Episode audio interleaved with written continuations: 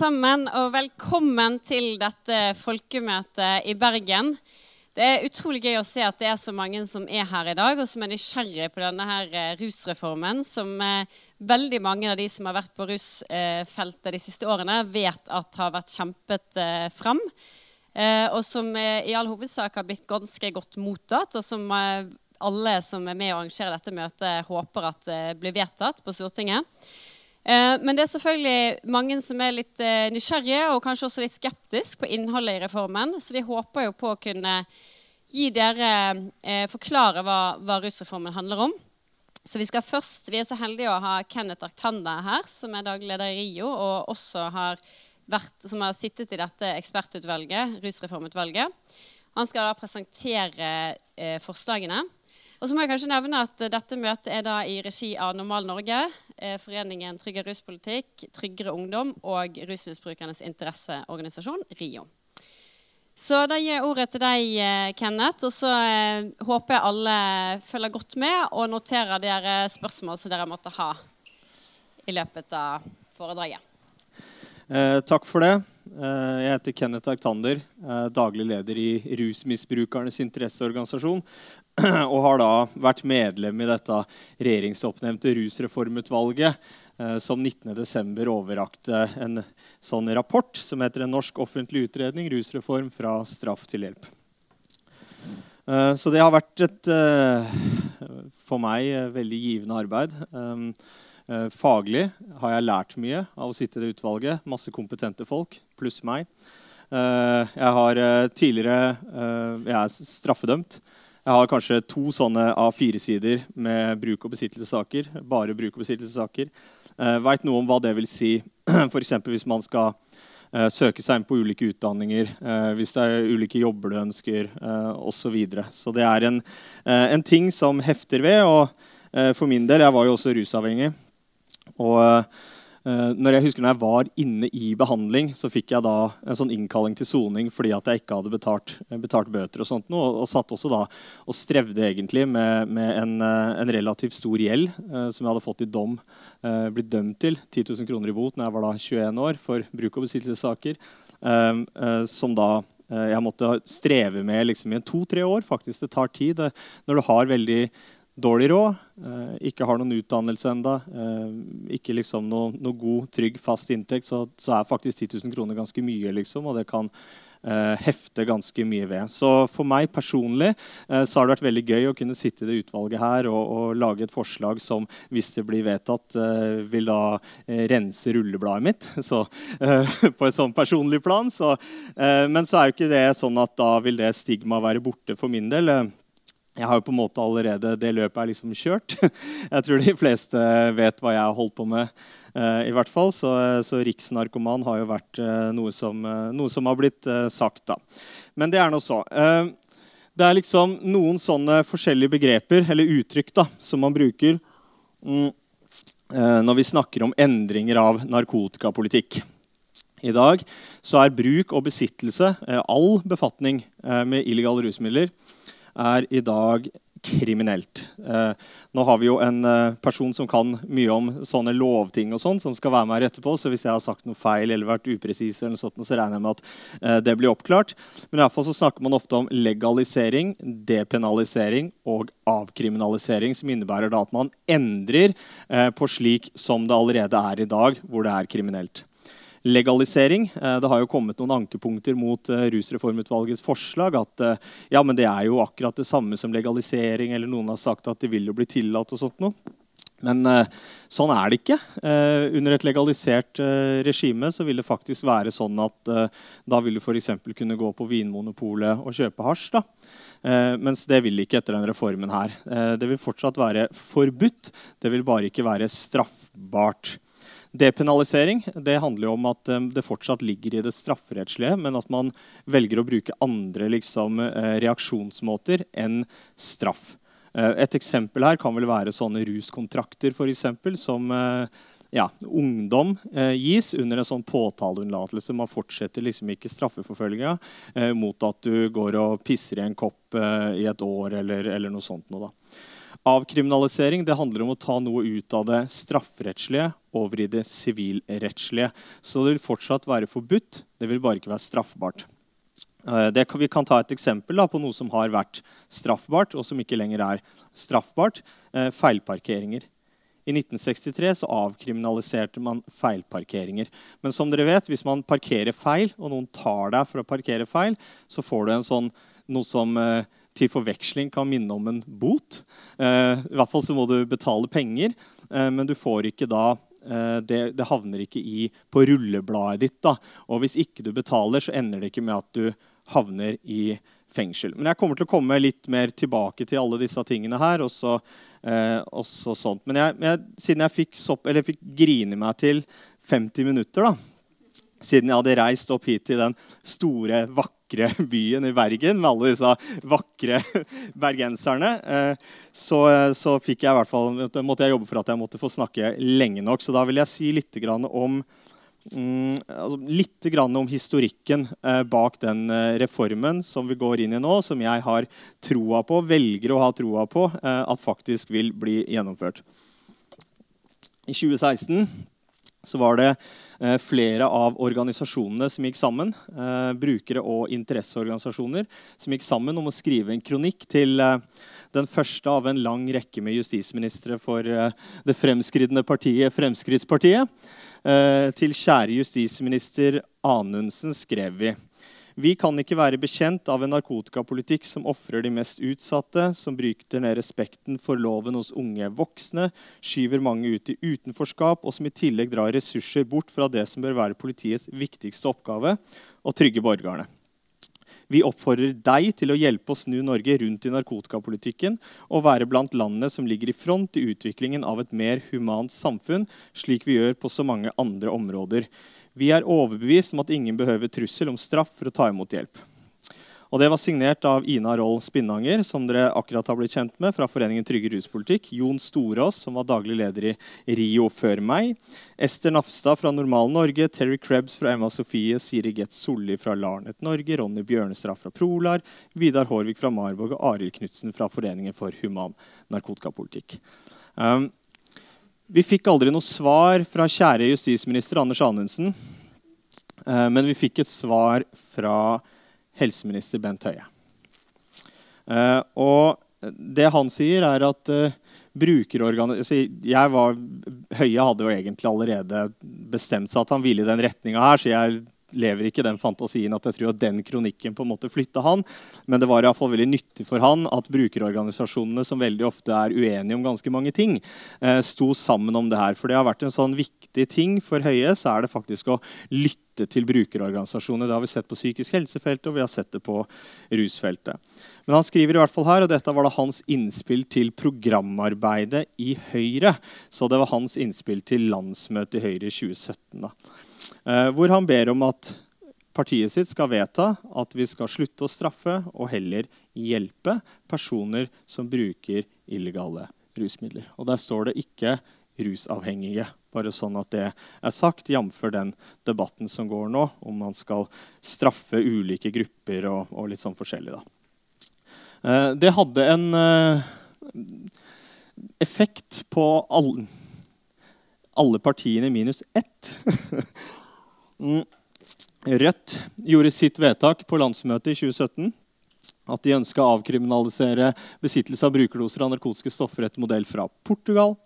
Eh, det var jo også en ting som sto i den kronikken eh, fra oss, da, at eh, man burde se til Portugal, hvor de avkriminaliserte alle illegale rusmidler i 2001. Og som har kunnet vise Jeg vil ikke si at det har vært noen sånn kjempesuksess i Portugal, men i hvert fall så falt ikke himmelen ned i hodene på folk, og alle løper tannløse rundt og er narkomane i dag. Da. Så de har hatt ganske gode resultater, og brukerne føler at de eh, har mer forståelse og respekt i samfunnet. Da. Så det er en, en avstigmatisering. da.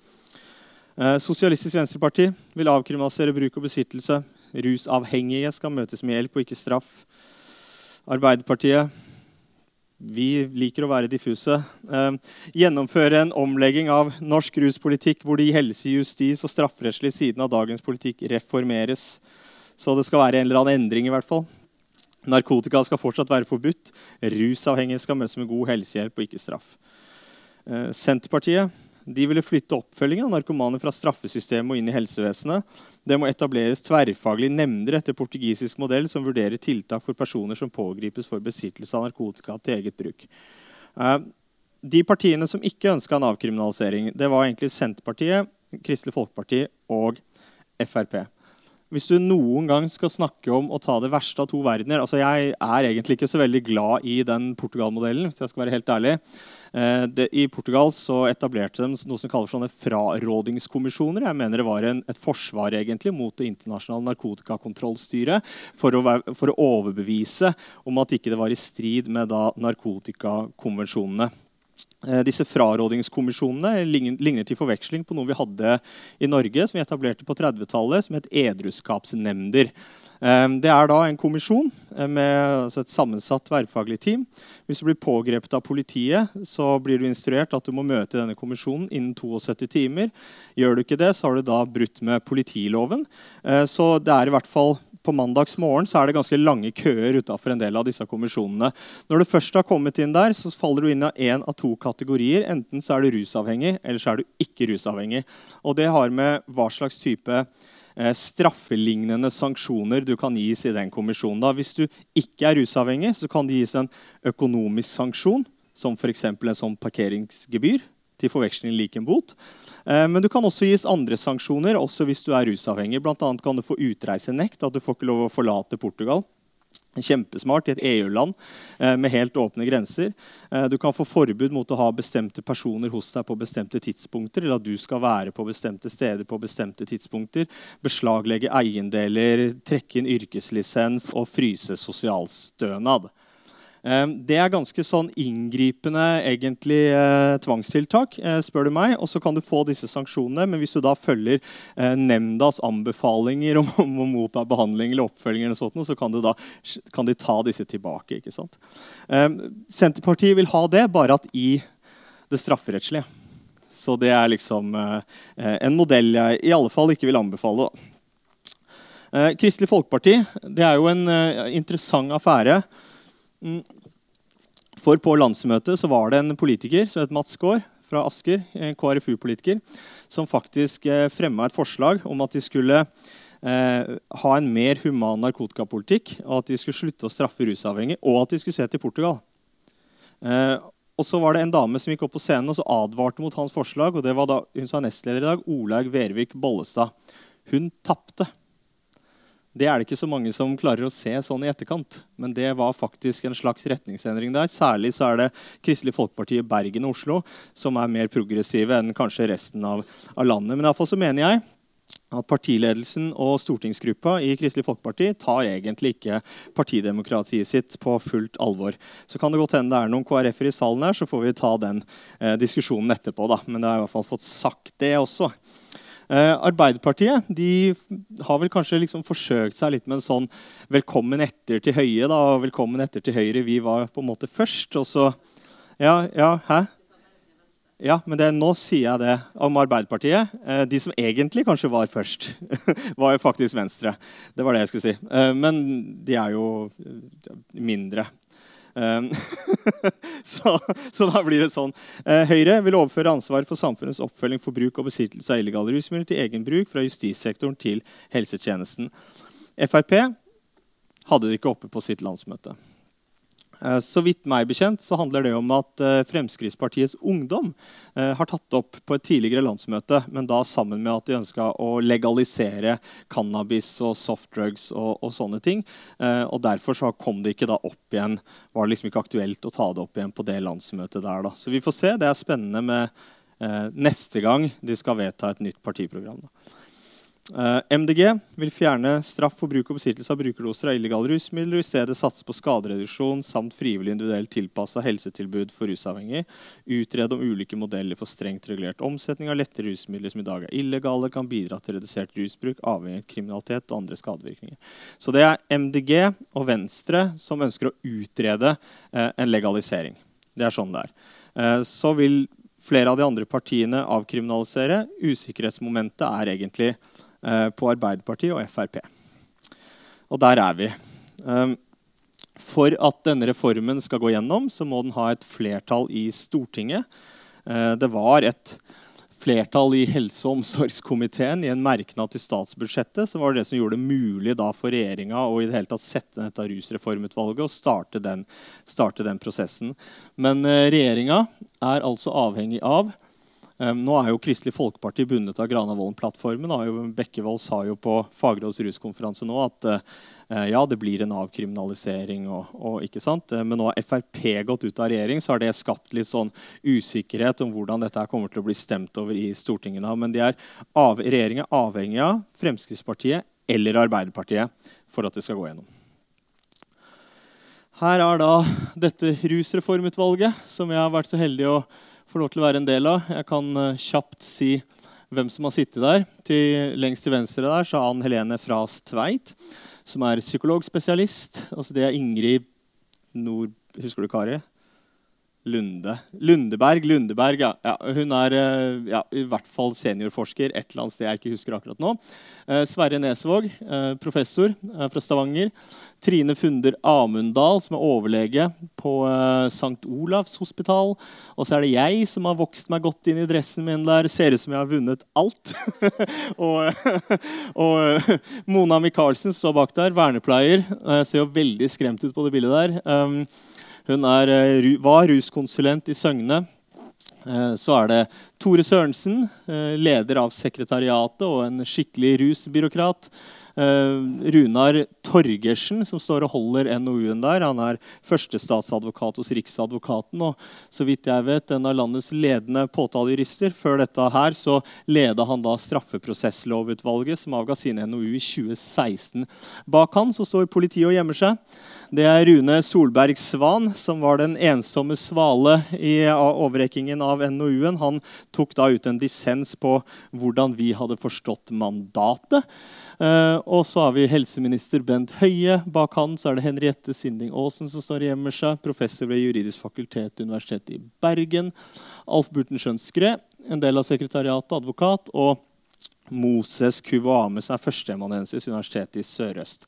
Norge. I tillegg til det um, så var også Vibeke Års der, som er da styreleder i Marborg, som er en brukerorganisasjon i Nord-Norge. Så litt fra mandatet. Det vi skulle gjøre, det var å forberede gjennomføringen av regjeringens rusreform. Så det var allerede bestemt at det skulle bli en rusreform, og vi skulle da utrede og forberede den gjennomføringen av det. Altså foreslå en modell. Eh, så ansvaret for samfunnets reaksjon på bruk av narkotika og tilhørende besittelse overføres fra justissektoren til helsetjenesten. Regjeringa ønsker å endre myndighetenes reaksjoner mot personer som tas for bruk og tilhørende besittelse av narkotika, fra straff til hjelp, behandling og oppfølging. Straffeforfølging av egen narkotikabruk har bidratt til stigmatisering, marginalisering og sosial utstøting og kan ha stått i veien for å møte den enkelte bruker med hensiktsmessig tilpassa tilbud og oppfølging. Og Der er det noen som mener at nei, det fins ikke bevis for at, at, det er slik. Eh, de har aldri prøvd å være rusavhengig i behandling, tror jeg, eller å ha vært heroinavhengig og f.eks. vært lagt inn på en eller annen somatisk avdeling med eh, skal ha smertebehandling, f.eks. Eh, en kollega av meg bare for i år eh, skulle jobbe på noen ADHD-medisiner. Har ikke ruset seg på over tolv år. eller noe sånt nå. Måtte da gå på urinprøver. Så dette, det vi kan se, det er jo at liksom måten vi har tenkt om narkotika og illegale rusmidler, at det kaster skygger også inn i helseforvaltninga og hvordan på en måte behandling folk får i helsevesenet.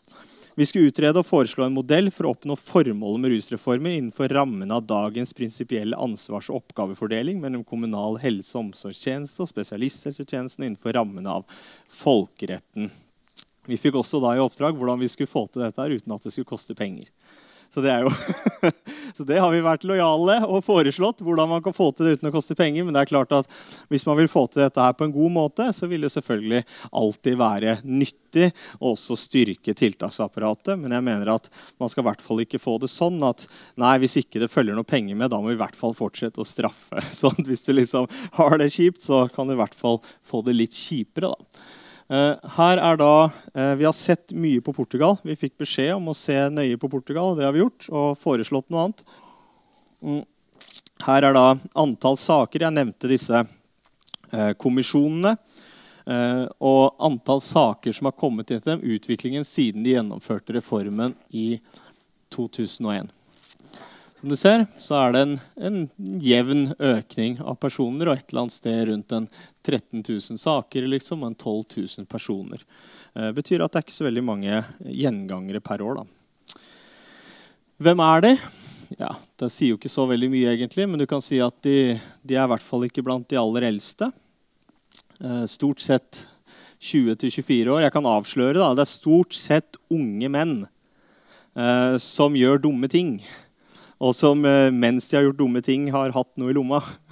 og derfor havner inn i en sånn sak. Da. Enten om det er noe ordensforstyrrelser eller at de har oppført seg teit i fylla. eller noe sånt. Så de aller fleste av dem har da hatt cannabis på seg. Da. Og så blir de henvist til en sånn kommisjon. Uh, Fordelinga mellom personer som da blir klassifisert som rusavhengige og ikke rusavhengige. som du kan se. De aller fleste er ikke rusavhengige. Eller blir i hvert fall ikke vurdert som det i denne kommisjonen.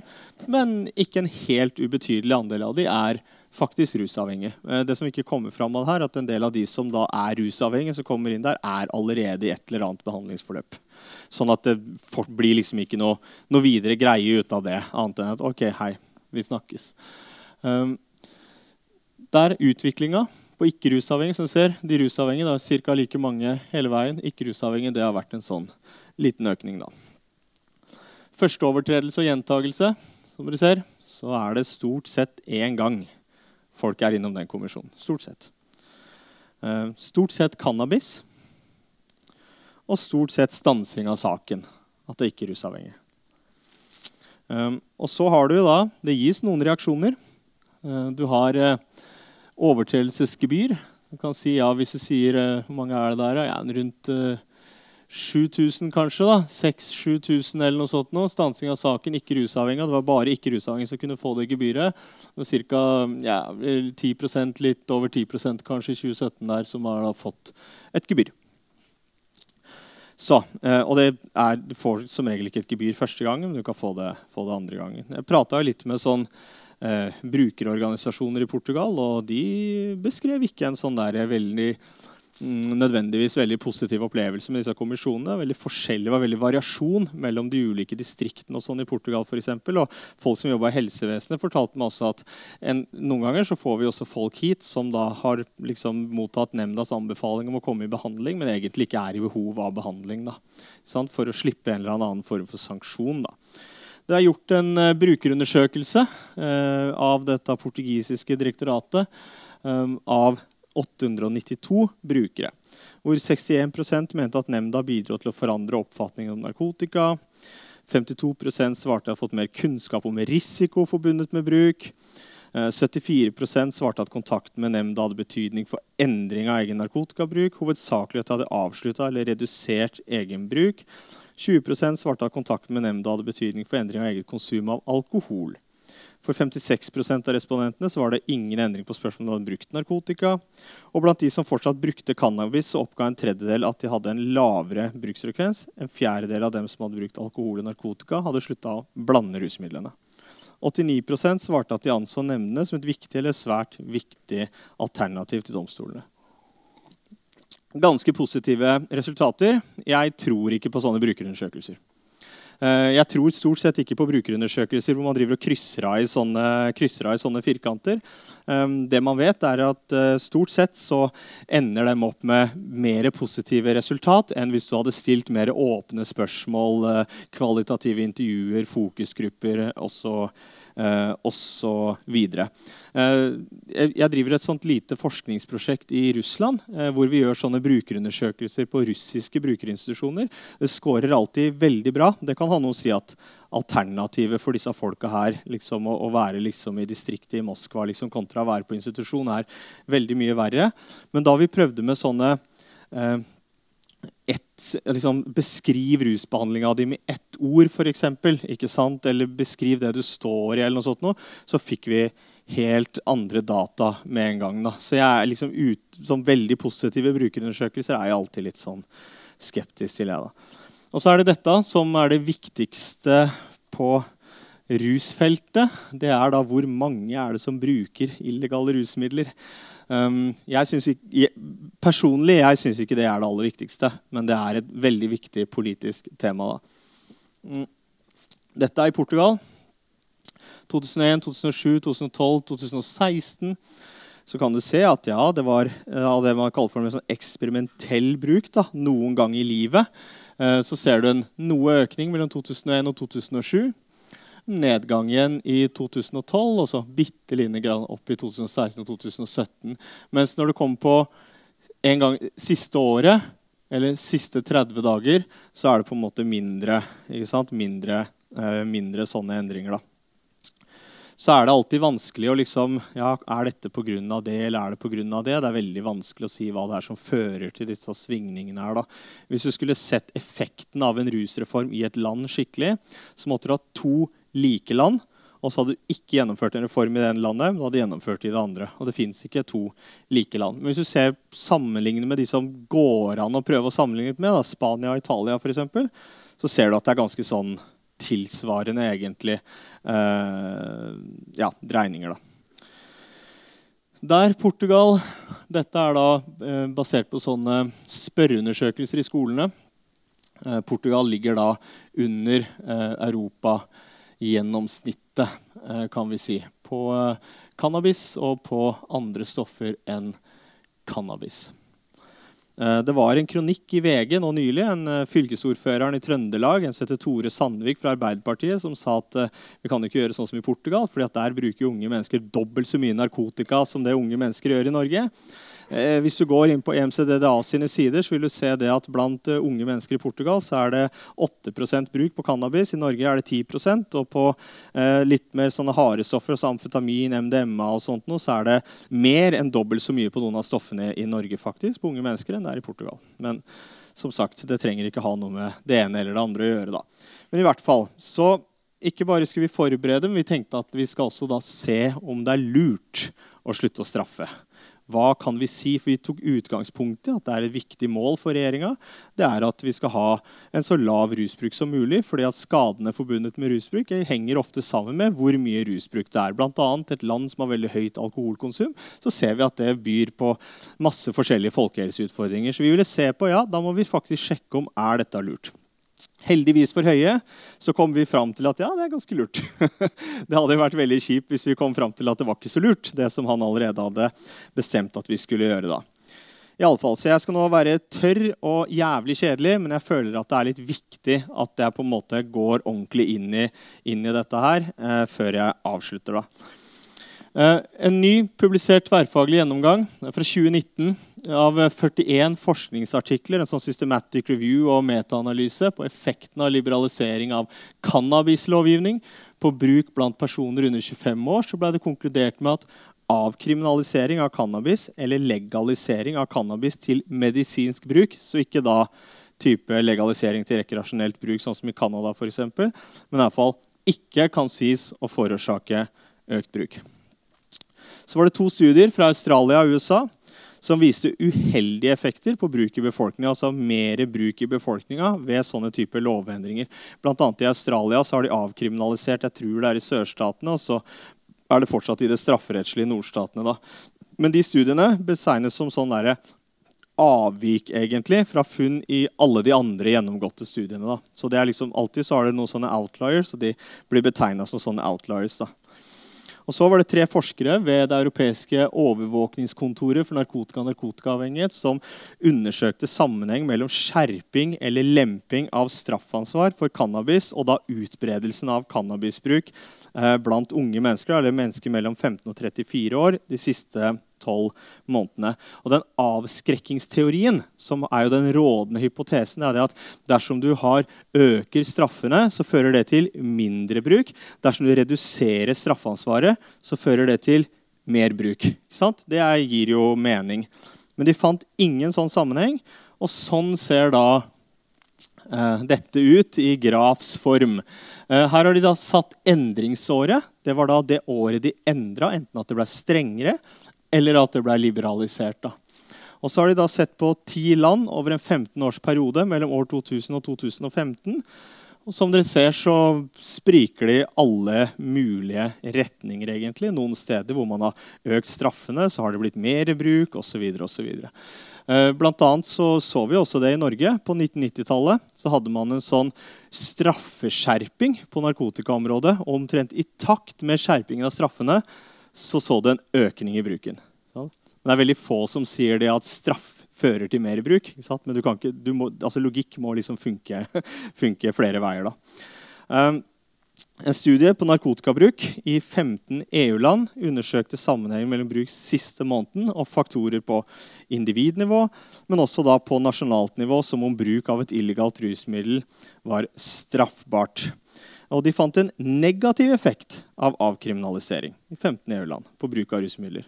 Altså det, vil si at det var Sannsynligheten for at folk brukte illegale rusmidler, kom i den her lavere ut i stater der besittelse til eget forbruk ikke var straffbart. Så enda en studie hvor de så på cannabispolitikk og bruk siste fire uker blant ungdom 12-15 år i 27 land. Kontrollert for andre faktorer så fant de ikke noen sammenheng mellom bruksprevalens og politikken. Altså utbredelse og bruk og politikken. Så var det liksom en litt negativ studie da, som var basert på skoleundersøkelser i 38 land. Som var gjennomført i tre sånne årskull. Da. Og de fant en sannsynlighet for økt cannabisbruk ved en liberalisering. Så det pekte i andre retningen igjen. Men så var det noen som gikk en, eh, gjennom datamaterialet en gang til på en litt annen måte. og Det ble tatt med tall for Sverige på to kull som ikke hadde vært tatt med og tall for da respondenter som hadde ikke kryssa på om de hadde hatt søsken. og pga. at de da hadde svart feil på noen ting, så hadde de blitt ekskludert fra datamaterialet. Eh, og, så, um, og, så, ble det justert for kjønnssammensetninga. Det ble ikke påvist noen statistisk signifikant effekt av liberalisering på bruken i befolkninga. På grunnlag av den følgende forskninga uttales det bl.a. følgende i boken 'Drug Policy and the Public Good'. There is now a considerable literature that examines many types of changes in user sanctions in many different countries, and the overall finding is that short term effects on use are quite modest if they can be detected at all. Så Dette er fra NOU-en. Eh, den foreliggende empirien, altså de erfaringene vi har, svekker det som har vært den rådende måten å tenke om det på, om at det å fjerne straffansvar for brukere av narkotika nødvendigvis fører til økning av bruk i befolkninga. På bakgrunn av den analysen så konkluderte vi med at det er hensiktsmessig med en dreining fra straff til hjelp. Og Det handler om at straff det er også samfunnets sterkeste virkemiddel for å fordømme uønska handlinger, og det påfører borgerne lidelser. Da menneskelige, økonomiske kostnader. Du kan havne i fengsel, du kan få gjeld, du får det på rullebladet. Det begrenser deg i yrke, utdanning, reiser osv. Og det her er ikke en sånn liksom, Narkotikabruk er ikke som en Altså, vi har ting man kan gjøre som alle er enige om at vi skal straffe selv om ikke nødvendigvis man tror at personen slutter å gjøre det. Eh, si da, Hvis jeg slår deg, så sjøl om straffen ja, den straffen det vil få han til å slutte å slå, slå det er ikke nødvendigvis, Man tror ikke nødvendigvis det. Men alle er enige at jeg skal gjøre det av rettferdighet for deg. Og at det skal være liksom, samfunnet skal liksom markere at dette ikke er greit. Men det å ta et, et rusmiddel det er jo jeg som tar det og putter det i min kropp, så det er en litt, litt, annen ting. Og da må man i hvert fall kunne argumentere for at ja, denne straffen det virker til det gode for alle. Ja? Og hvis man ikke kan dokumentere at den gjør det, da har du et argumentasjonsproblem for hvorfor du skal straffe. For det vi mener er at statsmakten, altså De som mener at statsmakten skal straffe borgerne for handlinger, det er der bevisbyrden ligger. Men nå har vi i hvert fall gjort det vi kan eh, med å se på forskninga, og vi mener at det finnes ikke gode bevis for at det er lurt å straffe, at det hjelper mange. Men vi vet at det skader mange. Eh, den slår usosialt ut også. Det er et tema som ligger eh, mitt hjerte veldig nært. I Oslo, også en liten by, så straffes ungdom på Oslo øst mer belasta områdene straffes tre ganger så mye som ungdom fra Oslo vest til tross for at ungdom på Oslo vest røyker dobbelt så mye cannabis. For eksempel. ungdom som har foreldre med lavere utdanning, har syv ganger høyere risiko for å bli straffeforfulgt enn ungdom som har foreldre med høyere utdanning, til tross for at ungdom med foreldre med høyere utdanning også bruker mer rusmidler. Så det er liksom personer som i utgangspunktet hatt en dårlig start i livet, de er det som på en måte skal være de egga vi knuser for å lage omelett. Og det ser ikke ut som at den omeletten blir så veldig bra heller. Uh, så det uh, det, det, det. Og det er vanskelig. Altså et av formålene med rusreformen var at vi skulle redusere stigma. Eh, og så har det vært liksom, eh, Bl.a. fra Svan så ble det sagt at ikke det fins liksom, gode nok bevis for at dette her på en måte, at folk blir såpass stigmatisert at det begrenser dem i helsevesenet. og sånt. Men jeg mener at et rulleblad er et veldig konkret, objektiv liksom, det, det, er, et skikkelig stigma. da. Det kommer opp i ulike sammenhenger, og folk vil kunne se liksom, hva du har på en måte foretatt deg, og at ikke du er et skikkelig menneske. og Argumentet liksom for å beholde de strafferettslige er nettopp for å, liksom at skal være, vi skal ivareta sikkerheten i samfunnet. da. Så der kan du se, da, Hvis en person har da, ja, blitt tatt for å røyke cannabis når 19-20 år, eller sånt, er det riktig at den personen skal da være en potensiell sikkerhetsrisiko for samfunnet. Og det er ikke sånn heller. Folk mener ikke det. Ikke det er ingen som mener at Jens Stoltenberg er en sikkerhetsrisiko fordi han har røyka cannabis. Så det er egentlig de personene som blir tatt. Det er de som er sikkerhetsrisiko. Det er ikke nødvendigvis det. det er som en person har jobba i politiet ikke sant, til og, med, og sier at ja, men jeg har røyka cannabis en så er det jo ingen som sier at nei, da kan ikke du være politi lenger. Men hvis du har vært så dum at du blir tatt, da er det et problem. Så det, blir, veldig, det blir veldig rart. da. Ja. Så, eh, Slik det er i dag, har jeg god tid fortsatt på meg, Ina. Ja. Eh, all ja, All befatning med narkotika er forbudt, jf. legemiddelloven paragraf 24. Befatningen er også straffbar, jf. legemiddelloven paragraf 31, hvor det står at besittelse og bruk av narkotika straffes med bøter eller fengsel inntil seks måneder eller begge deler. Og det er det at De har den der strenge strafferamma selv på veldig små mengder. Det er det som gir da politiet adgang til disse ulike tvangsmidlene. ikke sant? Med bl.a. Ja, tvungne kroppslige undersøkelser, dataransaking, husransaking osv.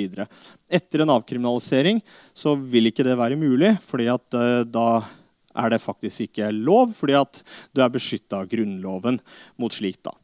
Eh, I tillegg så kommer straffeloven paragraf 231. for Det, altså det som er i legemiddelloven er 1-2 brukerdoser. og Vi har da foreslått eh, noe høyere eh, mengdeverdier enn da bitte, bitte små mengder. og der er da, da kaller du det for oppbevaring, og da er strafferammen inntil to år fengsel. Så her kan du se hva vi har foreslått. og Det er det å stryke det første der, besittelse og bruk av narkotika, første ledd.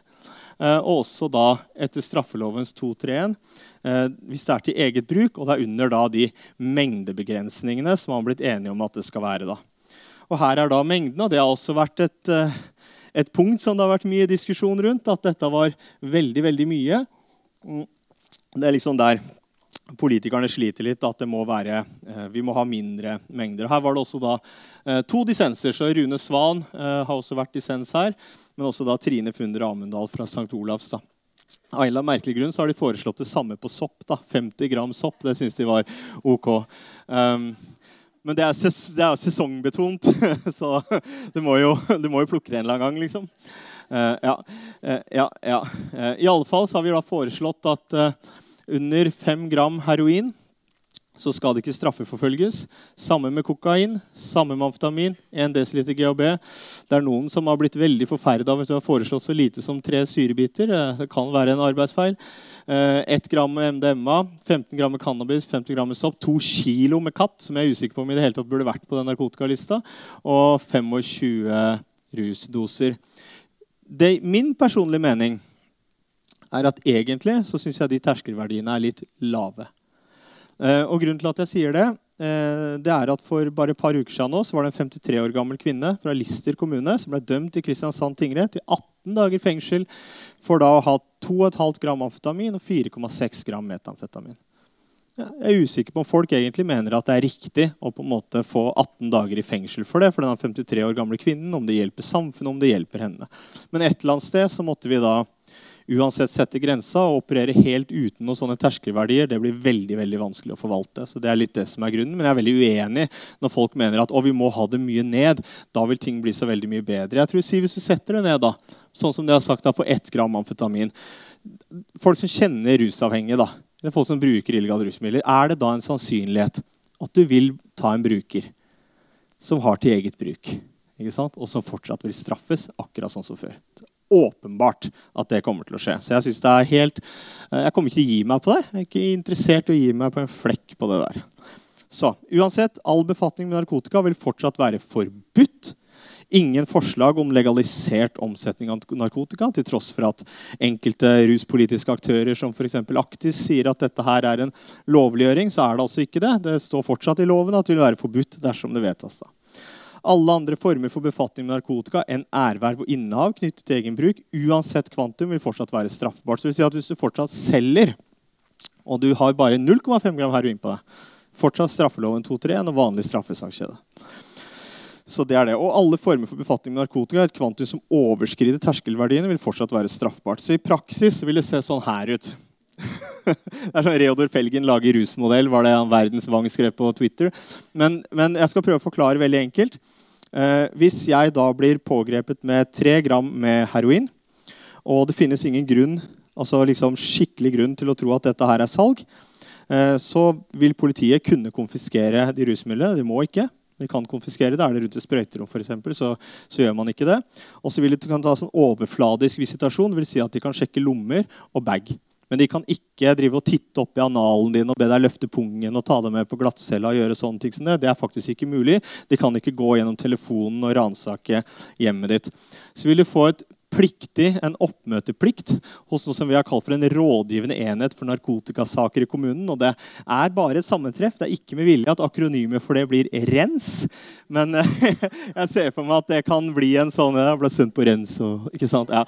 Eh, I hvert fall så Eh, og der er det eh, Der må du møte. Eh, det, er, det møtet er da delt i to. Første delen er en sånn fraråding. Det, dette er forbudt, så det syns vi er dumt at du driver med. og her er da litt nøktern, ordentlig informasjon om, om disse stoffene. Dersom du ønsker kartlegging, liksom, vurdering, hjelp, oppfølging, behandling, så vil du få spørsmål om det, og da må du samtykke til det. Ja, for Du kan ikke tvinge folk til behandling. Det har vi egne tvangshjemler for. Og vi har da ikke foreslått noen nye tvangshjemler. Eh, så er det sånn at hvis du er eh, under 18 år, hvis du er under 18 år, så vil foreldrene bli informert om forholdet, og de vil bli involvert i oppmøtet. Dersom denne 17-åringen møter Mor og far er informert, og alt sånt der, og man spør ønsker du en kartlegging, vurdering, liksom videre hjelp, og sier ja, så er det opp til den 17-åringen om foreldrene skal informeres og involveres videre. Og Det har vi fått en del kritikk for. Det synes jeg er helt urimelig kritikk. Det er helt vanlig. Hvis en 17 eh, år gammel jente i dag blir gravid og ønsker å ta abort, så kan hun velge om mamma og pappa skal få vite om det. og Det er fordi at myndighetsalderen er 16 år i helselovgivninga. Så det skal ikke være noe annerledes, sånn unntaksgreier, bare fordi at det her er snakk om narkotika. Eh, og så er det riktig, vi har skrevet at, eh, at eh, i enkelte tilfeller så kan da disse fagpersonene som vil jobbe i denne rådgivende enheten, det vil da være psykologfaglig, medisinskfaglig, sosialfaglig, barnevernsfaglig erfaringskompetanse.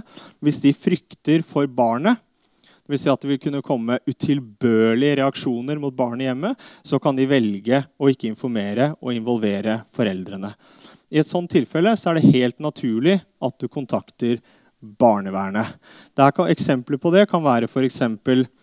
Eh, du er redd for at barnet skal bli sendt på koranskole. Bli sendt ut av landet til Somalia f.eks. Eller du er redd for at barnet skal bli slått eh, overgrep, andre sånne ting. Aktis hadde et utspill her som jeg syns tjener som et sånn absolutt bunnpunkt egentlig i rusdebatten. Er ikke de her til å kunne forsvare seg, og Derfor så bruker jeg friheten min til å si hva jeg tenker om det. Men det er fall de var redd for at ungdom kan unngå at foreldre informeres narkotikabruk ved å lyve om vold i hjemmet. Jeg er redd for, jeg er bekymra for ungdom. Jeg er særlig bekymra for sårbar ungdom. Vi vet hvem det er. Vi vet nok om hvem det er som risikerer å utvikle rusproblemer. Og det er særlig personer som har opplevd vold i hjemmet, overgrep osv. De er overrepresentert i den statistikken. Jeg mener at vi må ha mye mer tillit til ungdommen enn det som en del andre i hvert fall mener i denne debatten. her. Og dersom et barn sier at 'jeg blir slått hjemme', så skal vi ta det på alvor, og vi må undersøke det. Og jeg har tillit til at fagpersoner kan gjøre den nødvendige vurderinga, og ikke da plassere det barnet i fare. Så fikk jeg sagt det. Um, til vår glede så Rett etter at vi overrakte rapporten, så var Riksadvokaten ute og støttet avkriminalisering ved bruk av mindre mengder narkotika, for han mener at dagens politikk ikke har hatt ønsket effekt. Um, noe av ankepunktet vi har fått, eller en annen kritikk vi har fått, er jo det at hva skjer hvis ikke du møter opp til denne rådgivende enheten, til pliktig oppmøte? Må du ikke da få straff? Så har vi ment at nei, vi syns ikke det. Eh, og det er fordi at Hvis vi, tar, hvis vi liksom er trofaste til det kunnskapsgrunnlaget som vi har jobba ganske mye med å produsere, da, at liksom, nei, Vi tror ikke at straff har den der nødvendige gode signaleffekten som gjør til at færre personer bruker illegale rusmidler. Da ville det vært veldig rart hvis vi mente at litt straff til en avgrensa gruppe, altså voksne personer som åpenbart kan sies ikke har rusproblemer, det vil sende et viktig signal til ungdommen, sånn at de ikke prøver narkotika. Det ville vært helt sånn, eh, Som en fagperson så ville jeg skamma meg eh, over å foreslått noe sånt nå. Vi har utreda det, så det ligger liksom gjemt inn i kapittel 7 om hva de kan gjøre for å oppfylle folkerettslige forpliktelser. Sånt. Liksom gjemt inn der, vi har utreda det, men vi anbefaler det ikke fra et faglig ståsted. Så hvem veit? Det er vel der det ligger, egentlig. Dette er da the gist of it. Eh, hovedlinjene i NOU-en. Og så tar jeg gjerne imot noen kjappe spørsmål før vi tar en pause. Takk for meg.